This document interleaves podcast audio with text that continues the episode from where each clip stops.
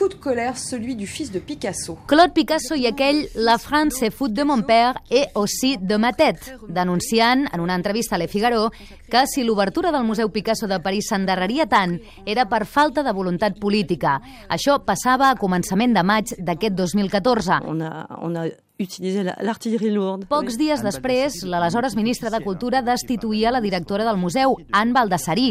El motiu oficial, un clima laboral extremadament degradat. Inauguration, donc, en présence de nombreuses personnalités. Són només dos dels enverinats episodis que han deixat cinc anys d'obres al Museu Picasso de París, allà on es guarda la col·lecció més important de l'artista malagueny que, finalment, després de molts retards, es va inaugurar oficialment dissabte passat. Saludem, doncs, en Joan Carles Carles Peris, que és el corresponsal de Catalunya Ràdio a París. Joan Carles, bona tarda. Hola, bona tarda. Tu ja has estat en aquest museu, però comencem, si et sembla, parlant d'aquest tortuós i difícil camí que hi ha hagut fins a la reobertura del Museu Picasso de París.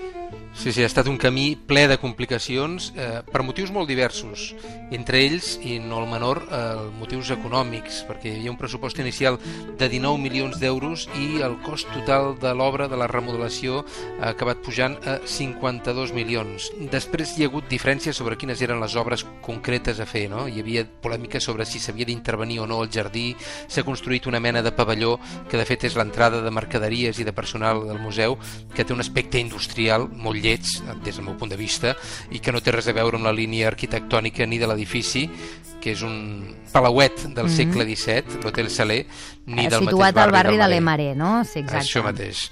És un dels barris històrics, un dels barris amb més valors culturals i, i artístics.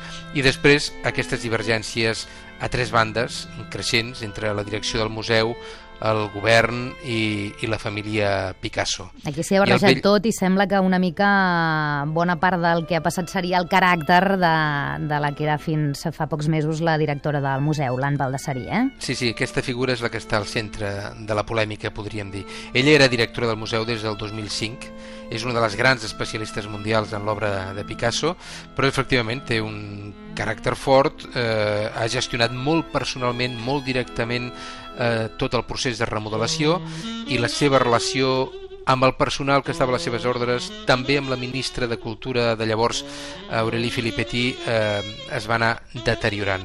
Hi va haver fins i tot cartes denunciant les seves maneres autoritàries, mm -hmm. altres eh, hi va haver recollides assignatures que li donaven suport i finalment, després d'una d'una reunió que diuen que va ser tumultuosa, tormentosa entre ella i la ministra Filippetti, aquesta va decidir destituir-la.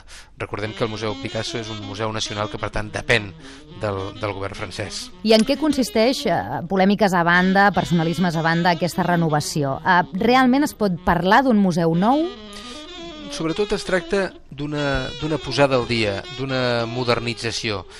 L'antic museu s'havia obert l'any 1985, però bé, ara ha quedat, havia quedat clarament obsolet. Per això es va decidir tancar-lo, fer tot d'obres des de, per donar més capacitat d'exposició, per facilitar els accessos a la gent. Ara s'ha fet aquesta adaptació també a un concepte museístic nou, un concepte, diguem-ne, del segle XXI. I com és la nova exposició amb què es va inaugurar dissabte passat? Una exposició comissariada, per cert, per la mateixa en Valdessarí, que finalment sembla que li van eh, donar la llicència no, per continuar comissariant aquesta mostra inaugural.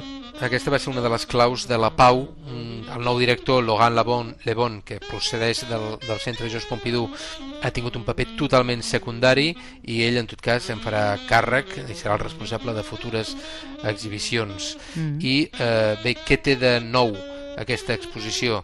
Segons l'Anne Baldessarí, és que es combina un criteri cronològic amb un altre de temàtic. Sí. Eh, per tant, autorretrats de diverses èpoques conviuen en un mateix espai, es representen mateixes temàtiques, per exemple, el petó, l'amor, en diverses èpoques, en diversos estils, la guerra també eh, té una, una confrontació en una, en, en una mateixa sala, també hi ha força obra escultòrica, hi ha una, una obra, la de la cabra, mm, que és gairebé emblemàtica, sí. és un dels eh, signes d'identitat de, del Museu Picasso, que ocupa també un lloc molt preeminent en una de les sales del, del remodelat museu. Molt bé, doncs Joan Carles, ara que ens has fet tantes dentetes per anar a visitar aquest nou museu, Museu Picasso. Segur que, a més a més, eh, per descomptat, hi haurà moltes cues.